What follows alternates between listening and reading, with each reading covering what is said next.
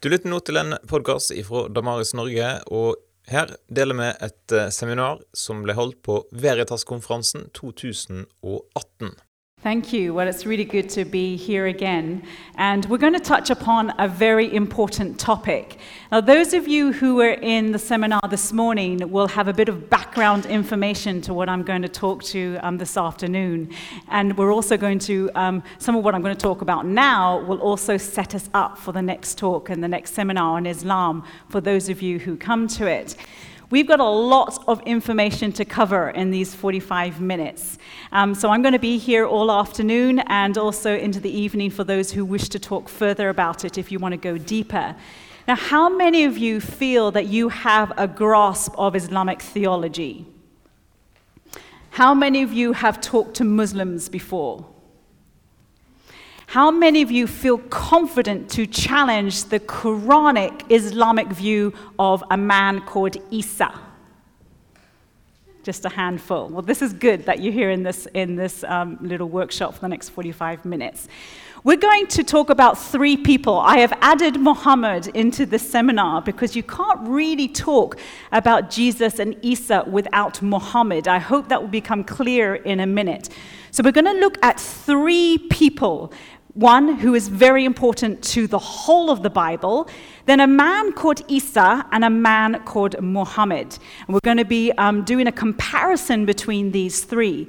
I'm not going to tell you how to share your faith with a Muslim. What we're going to do is look at the core theologies and doctrines found within the Bible, but especially found within Islam itself.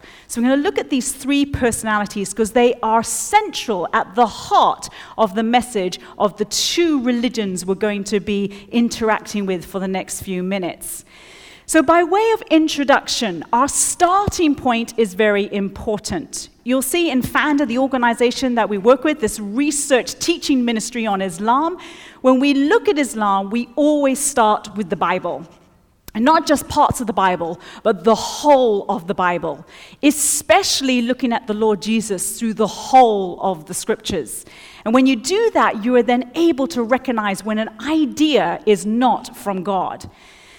When you look at the Bible, you're able to recognize false religion and you are able to be confident in the good news of Jesus. And that's what the whole point is of the seminar. How do we communicate the good news of Jesus and challenge the ideas that are in within the Islamic texts? Now that's very important. Hold on to that thought. It's the Islamic text that we're going to be looking at. So a religion is ultimately understood through its text or its source, its founder. So, for the Quran, that would be Muhammad. And for the Bible, or for Christians, that would be the Lord Jesus. For Islam, it is also the Quran and all the other texts that a Muslim has to go to to know how to practice their faith. So you have all these different, and I've got a list of them for you there under the Quran, which is their holy text, and then their Prophet Muhammad. Then you had the tafsir, which is the interpretations of the Quran. They're written uh, two to three to four, five hundred years after the Quran was written.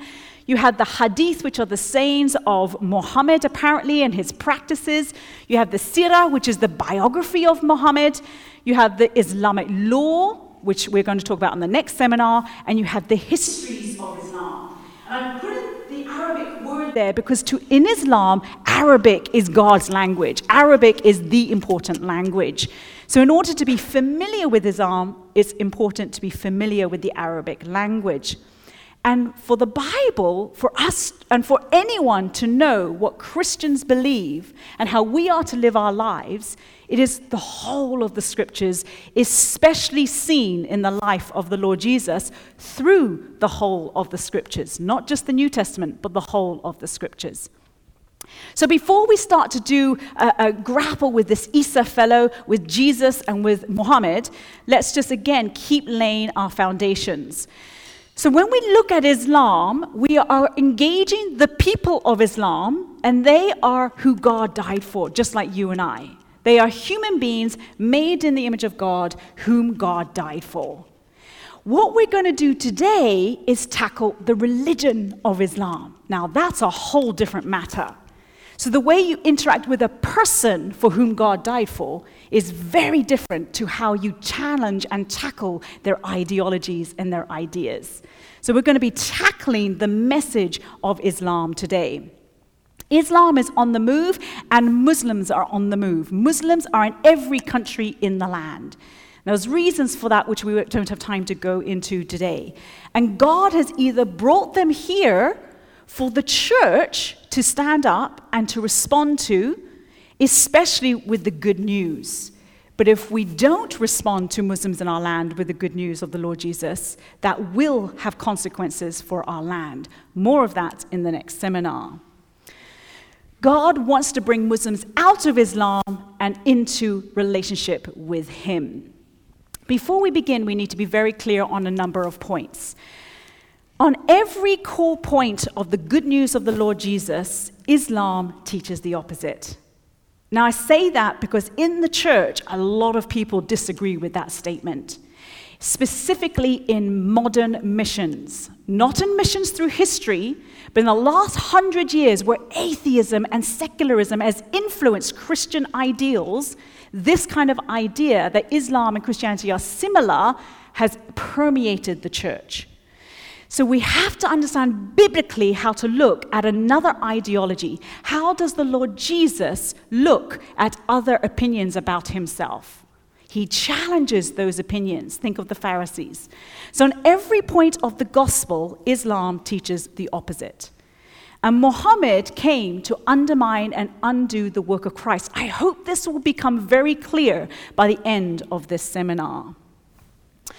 So, before we go any further, just a biblical foundation of how we are to engage with Muslims. The Bible has given us all we need to know how to grapple uh, with the world today and how to live in the world today. 1 Peter 3 14, um, 14 to 15, that should say. Don't fear their threats, be ready to communicate and defend your faith. 2 Corinthians 10 4 to 5. The weapons we fight with are not the weapons of the world, but we challenge anything that exalts itself against the knowledge of God. And the God the Bible talks about is only the God of the Bible. There is one God, and He is only revealed in His Word and through His Word, namely a person, the living Word. 2 Corinthians 4 we don't manipulate or change the Word of God to make it more attractive to other people but we present it clearly. We don't manipulate the Word of God deceitfully. And many in missions today are. And that's why we need to take these verses seriously. Ultimately, from the biblical perspective, the Lord Jesus is at the center of the whole of the scriptures. He is the one, He is the seen face of the invisible God. Now, we don't have time to unpack that or do a Bible study on that, but again, that will become a little bit more apparent as we go through um, the next few slides. Now, some of my Muslim friends ask me, why don't you accept Muhammad? Why don't you accept Isa? And these are some of the main reasons why I don't accept Isa and why I don't accept Muhammad. And some of you are thinking, well, hang on a minute, isn't Isa Jesus? And many people have been taught that. We're going to look at why Isa could not possibly be Jesus. Hebrews 1 God used to speak through the prophets, and now he speaks through the Son. A key text to use with Muslims. Numbers chapter 12. And this is God speaking. With him, Moses, I speak face to face openly. He sees the form of the Lord. And we see that right through Scripture, where the people of old saw and knew the Lord Jesus. They knew the living God. Just look at Hebrews chapter 11 in the New Testament. Deuteronomy 18 A prophet should not speak in the name of other gods, nor say something that God has not authorized him to. Who did Muhammad, what God and what name of God did Muhammad speak in? Not Yahweh, absolutely.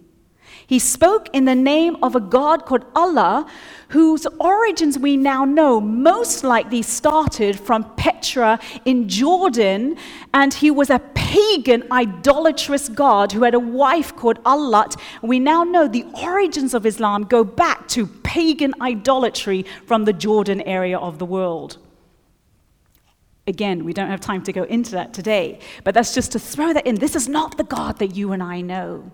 And even the character of this Allah, you and I would not recognize. So these are verses why I cannot accept Muhammad and I cannot accept Isa. What does the Quran say of Muhammad? This is very interesting. There's many verses like this. I've just given you a few. Surah or book, and it has an Arabic uh, uh, name for these different books. In Surah, book 4, um, verse 80, he who obeys the messenger has indeed obeyed Allah. Surah 47, verse 33 O you who believe, so to Muslims, obey Allah and obey the messenger. Surah 33 Indeed, in the messenger of Allah, you have a good example to follow. Now, as a Christian, that should trouble you. And when my Muslim friends talk about this, or I point out to my Muslim friend, I say, the Bible would never tell me to just obey a mere man like God. Now, you're doing a couple of things there. You're showing that you don't think Jesus is just a mere man. And second of all, you're showing how why is the Quran demanding people to commit the most wicked sin in Islam, which is called shirk, equating and putting something that is the same as if it's Allah. So the Quran makes a mere man and makes him aside uh, alongside Allah. We shouldn't be obeying a man like we obey a God. We obey the laws of our land if we can, but ultimately, God is the one we obey. So here's some questions we can ask our Muslim friends. Why does the Quran ask us to commit shirk, the greatest sin in Islam? Why obey Muhammad when there is a greater miracle worker in the Quran called Isa? Isa is far more fantastic and amazing as a human being than Muhammad is, just by taking the Quran objectively. If Muhammad is from God, why does his message completely contradict everything that went before? Why did Muhammad not know God's name? Because according to Deuteronomy 18, a prophet that comes in the name of another God was to be put to death. Why? Because if you come in the name of another God, you are condemning your friends and whoever you talk to to an eternity away from Him. And that's the greatest crime to God Himself. And why, and this is an interesting verse, uh, a question, why does the Quran never mention Jesus? You ask your Muslim friends that question, and you're in a fantastic conversation because they think it does. We're now going to show how the Quran never mentions Jesus. So understand who Jesus is, who Muhammad was, that's important, and hang on a minute, who Isa is, according to the Quran. Jesus is alive, Muhammad is not, and who on earth is Isa? So you're flipping some of the ideas that your Muslim friends have in their minds, you're flipping it on its head so they begin to think, they begin to reevaluate. And a lot of Christians, through the, just the last hundred years or so, maybe more, of the last 200 years of mission, have signed up to the claims that Muslims make. But we mustn't sign up to the claims that Muslims make. We look and see what the Bible says about the claims that Muslims make. And that's what we're trying to do today. So we let the texts speak for themselves. Religions haven't moved on from their text, they're not supposed to. And a religion that does move on from its text is not that religion anymore. And that's important because our governments, especially Britain, is listening to liberal Muslims. And liberal Muslims reject many of their texts. Therefore, do they truly represent Islam? Should we let liberal Christians interpret Christianity who've rejected their text? Absolutely not. So, why do we let liberal Muslims, who are just like atheists, also stand as if they represent Islam? So, a religion is ultimately understood by its text. So, we're now going to do some comparisons. We're going to start with biblical truth We're going to then look at what the Bible says about the Lord Jesus, Old and New Testament. Then we're going to look at Isa. Then we're going to look at Muhammad. Jesus, Yeshua, whatever way you say that name, God saves in your language, born of a virgin, miraculous, something profound about this person. Matthew 1, Isaiah 7, and of course, he pre existed before he was born, something else Muslims don't realize. Isa was born of a virgin, so something miraculous about this Isa, Surah 3, verse 48. Muhammad, born just like you and I. Nothing special about the man, just like you and I. When you see the term Sira, that's biography. This is the English translation of the biography. And you can have these notes um, afterwards if you wish. Jesus, he had deep biblical knowledge as a child. He knew what he was about. He knew why he came. He knew the temple was his father's house, Luke 2 and others. Isa spoke as a baby quite an intelligent baby, Surah 3.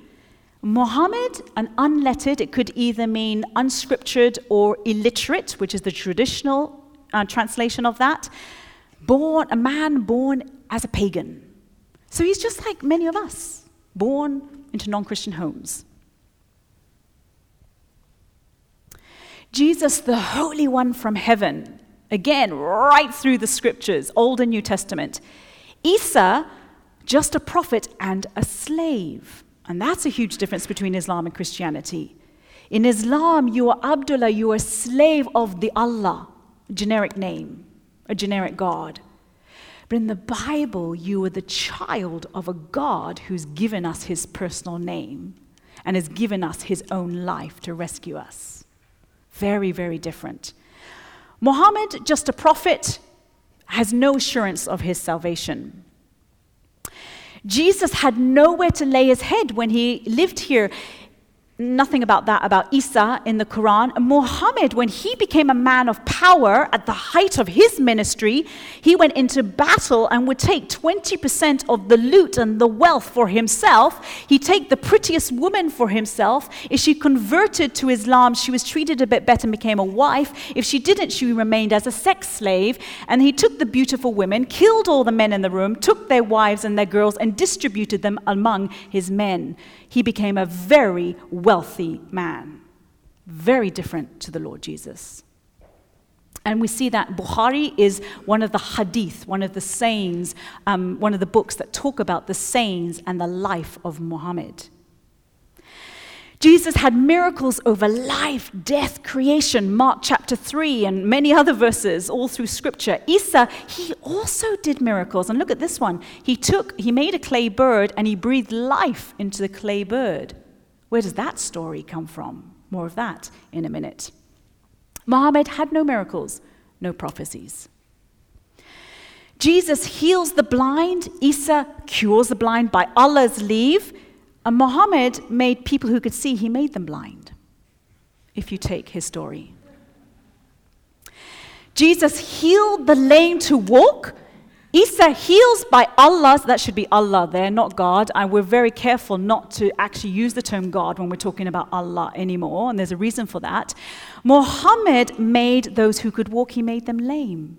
If you take his biography seriously, I've given you, and the hadith, I've given you all the references. Jesus healed withered hands on the Sabbath day because he says, I am the Lord of the Sabbath, and the Sabbath was made for you, my people, so you can rest. Isa is a healer by Allah's permission, Surah 5. Muhammad cut off hands even for someone who just stole an egg. That's the kind of man he says. Surah 533 the enemies of Islam, you are to crucify and chop off their hands and their, um, their arms and their legs at opposite sides. Jesus raises people from the dead. Also, Isa brought people back to life um, by Allah's permission. Muhammad did no such thing, he took people's life. Jesus is our creator. Fascinating when you look at those first chapters of those books Genesis 1, John 1, Colossians 1, Hebrews 1, and so on. Isa breathed life into a clay bird, A Muhammad is created, just normal, like you and I. Jesus was sinless, he was holy. Isa was righteous. That's an interesting verse. So in Surah 19, verse 19, Isa is called righteous. Muhammad wasn't. He had to ask forgiveness in the Quran, Surah 47 and 48. Jesus receives worship and is worshipped. Isa, this is where really see a divide. Isa worships a God called Allah and denies that he and his mother are a God as if the Bible teaches that the mother and uh, mother would be part of the Godhead, but it doesn't. So this is an actual problem in the Quran where they haven't understood biblical theology. Muhammad is not worshipped, but he believes he should be worshipped alongside Allah if you take his revelation seriously. Jesus died for sinners. Isa is still alive, by the way, according to the Quran. He didn't die at all. Now that's key because the whole point of the Bible is that God would die for our sins. And if He doesn't, we're all damned forever. It's serious that the Quran denies Jesus' death. Muhammad killed sinners. Jesus gives life to all who believe. Isa would know he knows he's in the next world, and Muhammad was unsure of his salvation. The seal of all prophets apparently was unsure of his salvation, according to Islam. Jesus rises from the dead and he's now seated at the right hand of the throne of God. He reigns from high. Isa apparently is alive, but he's going to come back. He's going to preach Islam. He's going to destroy the crosses and kill the pigs. Not sure why that's important. And Muhammad is dead. He can do nothing. He's completely dead. And Muslims say they know where his grave is. So he's a dead prophet. He can do nothing for a Muslim. So, where did Isa come from? Well, we know Jesus is historical. These are different ways to say his names in different languages. How do you say it in Norwegian? Yeah, like many other languages, you're closer, much more closer to it than, than we are in English. So there's many ways to say it, but it all is God saves. Who is Isa? Because Isa doesn't mean God saves in Arabic. So they got the wrong name. The Quran has the wrong name. Isa is not God saves in Arabic. It would be Yeshua or Yeshu, like in, or Yesu, like in many languages. So where on earth does Isa come from? We know that the oldest Arabic Qurans, and it was the, Arab, um, the New Testament was uh, translated into Arabic about the 8th, 9th century, and the oldest Arabic New Testament, excuse me, that we have in existence uses Yeshua. Yeshua doesn't use Isa. So who is this Isa?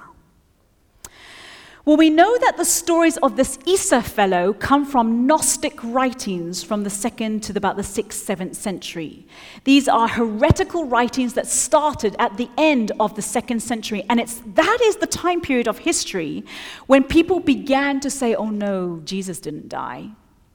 And it was when heretical um, movements were beginning to rise up in the church, and the early church fathers debated these heretical movements. And it's this view of this fellow from history that has entered the Quran. That's a really key point. So the person we're reading in the Quran doesn't reflect the first half of the first century when Jesus lived. So I've given you where some of these stories come from. Mary was giving birth and she was alone and then she's cared for. That comes from Infancy Gospel of James. These are Gnostic writings. Isa speaking as a baby comes from an infancy Arabic Gnostic Gospel. Um, Isa breathing life into a clay bird comes from an infancy Gospel of Thomas. And then Isa speaking by a palm tree and with his mother by a stream suddenly and miraculously appearing. This comes from the infancy Gospel of Matthew. These are not not the Gospels, has nothing to do with the Bible. In fact, when you read Isa and what he says, very little of it has anything to do with the Lord Jesus that you and I recognize. And he seems to go out of his way to deny his divinity, as does much of the Quran. Jesus has historical name. It goes way back in history. God saves is God's name in the Old Testament. Isaiah 43, 42. I am Yahweh. I am the only Savior of the world. We have the book of Jesus in the Old Testament, the book of Joshua. We should have been consistent and called it in English Jesus, the book of Jesus. It's all about the judgment of the Lord Jesus. A lot of people don't connect that. In Isa, there's very little history. He just suddenly appears on the scene in the Quran. We don't know where he comes from. The name. We know that Jesus, God saves, has always walked with his people face to face. He didn't just suddenly appear out of nowhere 2,000 years ago. He has always walked with his people face to face through history. Isa, there's nothing about him before the Quran, except we, have, we recognize some of the stories from these Gnostic heretical gospels. When you read about Jesus in the Bible, he accurately portrays the debates and the issues and the situations and the events that were happening not only in the first century, but only in the first half of the first century when he lived. He couldn't have even lived in the second half of the first century because he talks about the temple where got destroyed at the second half of the, of the first century. Isa fits a 7th century attack against the Bible when heretical Christianity was moving into Arabia, and it's those stories that have found its way into the Quran. And we know, for those of us who've applied source criticism to the, to the Quran, we know that a lot of its stories come from Jewish tales, from heretical Christian ideas, and from straight from paganism. The titles of Jesus in the Bible are all connected to theological and historical background we see all through the scriptures. The titles of Isa are unconnected. So in the Quran, it says um, Al Masihu, Isa Al Masihu. You ask them what that means, they have no idea. Well, it's the idea of Messiah. He is the anointed one, the Christ. It's a divine title, the man from heaven. But Muslims have borrowed it and have no understanding what it means. Or Islam has borrowed it. Jesus' birth fulfills prophecies. Well, there's nothing about Isa. There's no fulfillment of prophecy in Isa's life. Jesus' miracles reflect the miracles of God all through the Testaments, the Old Testament. And the miracles of Isa, well, he took a clay bird and breathed life into it. What's the point of that? But there are a few that reflect what he did in the Bible, i.e., raising people from the dead, except so he's borrowed some of the best bits of Jesus, but denied the most important part that he's God who died for us. Jesus uses divine titles and claims them for himself. We saw that in the seminar this morning on the book of Mark, for those of you who were in that. The whole of the scriptures are what Jesus builds his life upon, but Isa has no historical context. Um, and in order to uh, align the contradictions in the Quran with uh, with the Bible, because there's huge contradictions between the two, the two say two totally different things. There was a, a, polemic or an apologetic from the Islamic side that grew up in the 10th century by a Spanish historian, a Muslim historian living in Spain after Islam had conquered Spain and conquered southern Europe. And that's when they began to come up with these ideas that the Bible's been corrupted. And that's how they dealt with these contradictions. So, very clearly to close. Know this on every point of the gospel, Islam teaches the opposite. And Muhammad or whoever wrote the Quran, because we don't think it has anything to do with Muhammad, whoever wrote the Quran down, on every point of the gospel, it undermines the work and life of the Lord Jesus, including the man called Isa, who has replaced Jesus in the Quran. Do you see the origins of where this religion comes from? It doesn't come from the Bible. It can't. Because its message is the complete opposite of the biblical message.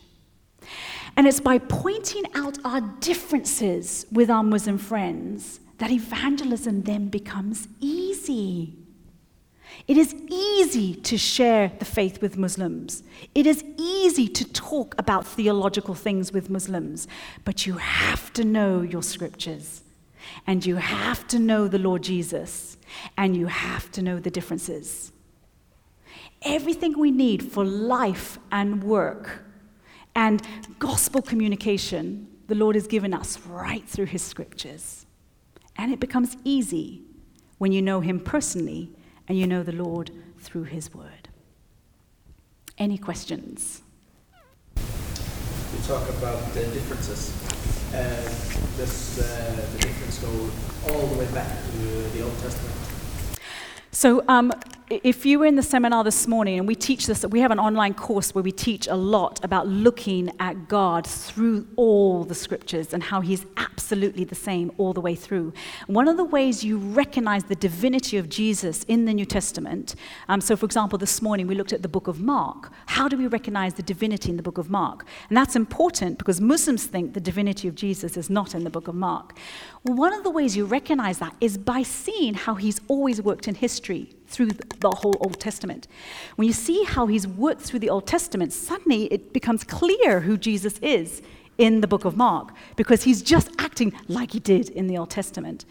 So the differences are God, because um, people think that the New Testament is very different from the Old. In fact, you can't fully understand the New Testament if you don't fully grasp what was happening in the Old Testament and how God worked through history in the Old Testament. But modern day Christians have sort of forgotten the Old Testament. And yet, and Muslims think that their God or their view of God aligns with the Old Testament. It's the strangest idea. Because the triune God, the God who saves, the Lord Jesus who always walked with his people, showed that all through the Old Testament. And so when we teach and do Bible studies, we train on our course how to do a Bible study with Muslims and the kind of verses you go to, we only go to the first five books of Moses. We don't even touch the New Testament. We actually train how to preach the gospel through the first five books of Moses. And it's made a profound difference in our own um, ministries, um, Joanna, my colleague here, and I, as we ourselves are sharing with Muslim friends. Talking about Surah 7, Ayah 158 revealing that Muhammad is unlettered, right? Um, and one of the arguments that I get a lot from Muslims is that just look at Muhammad, he was unlettered, uh, and even though he was unlettered, he was such a big, inspiring, and such a wise man. Uh, that must be a miracle. That must mean that he, he has come from God. How would you respond to that kind of argument? So, the first thing I do, because they are people who take texts seriously, if they're not a liberal, and most Muslim, Muslims are not liberals, they, they are traditional.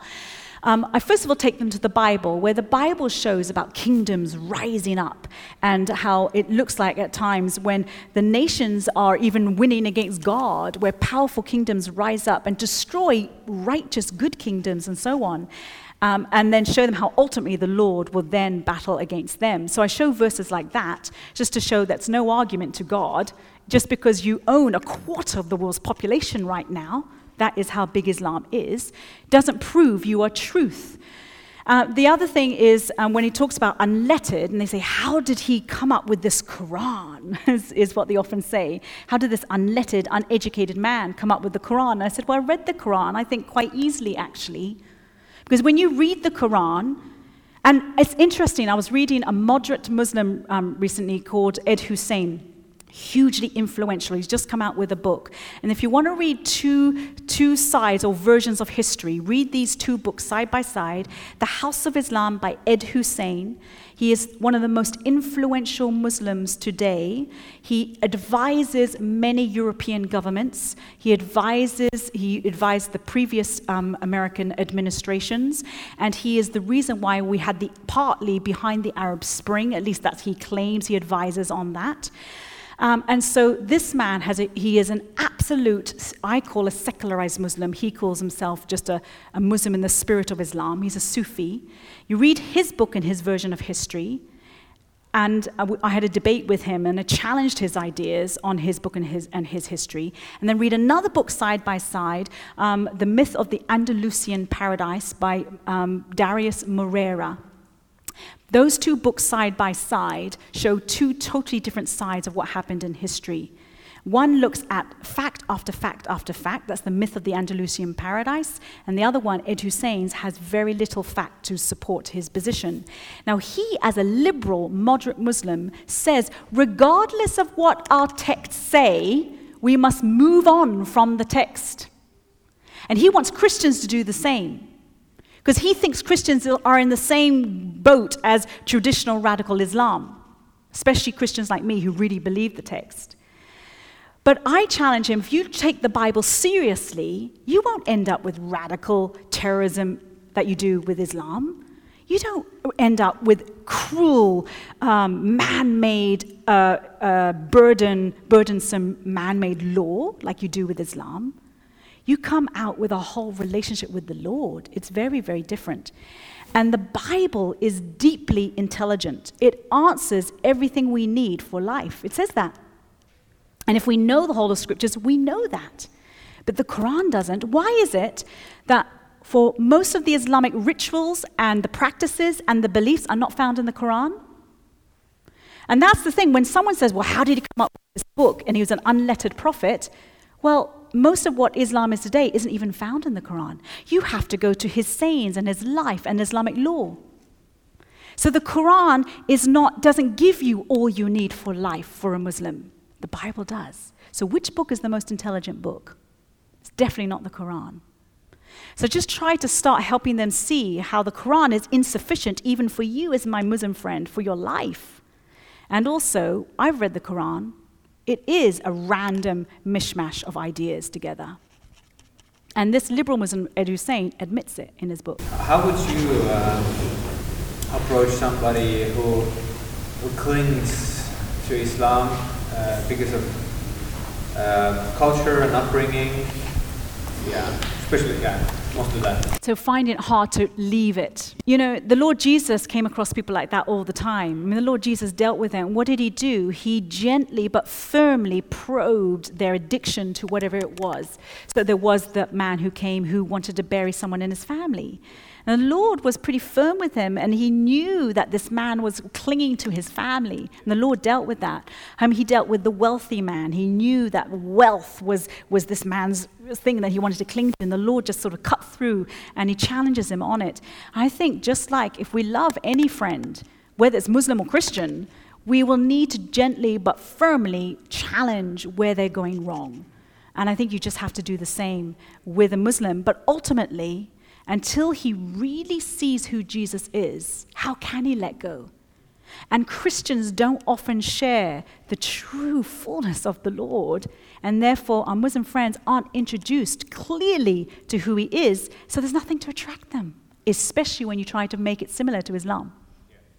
When we show it's something totally different and look at the magnificent Lord, and it might be through Bible study, and you could even approach, I don't know how open they would be to a Bible study, but you could say, Do you want to s- and discover who Jesus is according to our text? And then let the Bible speak to him. And a lot of prayer just on your knees.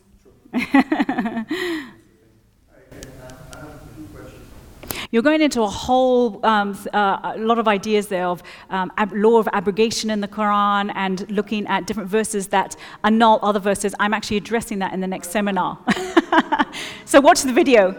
so the first question, okay, just because we're going with time. The first question: Isa was not crucified, or they say Jesus was not crucified.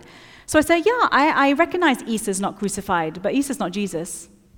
I mean, that's the end of conversation. No. So, um, if you want to get into a conversation, say that because that does help and you're, they're, they're sort of getting them thinking. But um, they want to say Jesus didn't die. And I say, well, all of history says he died. And those witnesses, there's um, quite a few witnesses of the first century. There's not one witness from the first century, even those who were hostile witnesses against Christianity, who say the man Jesus didn't die. It's only much later that idea happens from the second century. But in the first century, even those who were against Christianity, including historians, they all admit the man Jesus died. They're not saying he's God, but they do say he died, and many of the same, he was worshipped as if he was a God when they're talking about the Christians and who this man was. So they're going against all of history. Anyone who says Jesus didn't die has not read their history books and are basically showing ignorance. Now, if the Quran comes 700, 800 years later, Sunni says this man Isa, who they say is Jesus, didn't die. Why would I go with the testimony 800 years later when I could go to ones that are from the first century? I'd much rather go to ones nearer the first century. But more than that, don't even go with the New Testament, just go to the Old Testament and show through the books of Moses because Muslims revere the books of Moses, show how through the books of Moses that this God was a God that was going to give his life for many. Okay, I think we're out of time.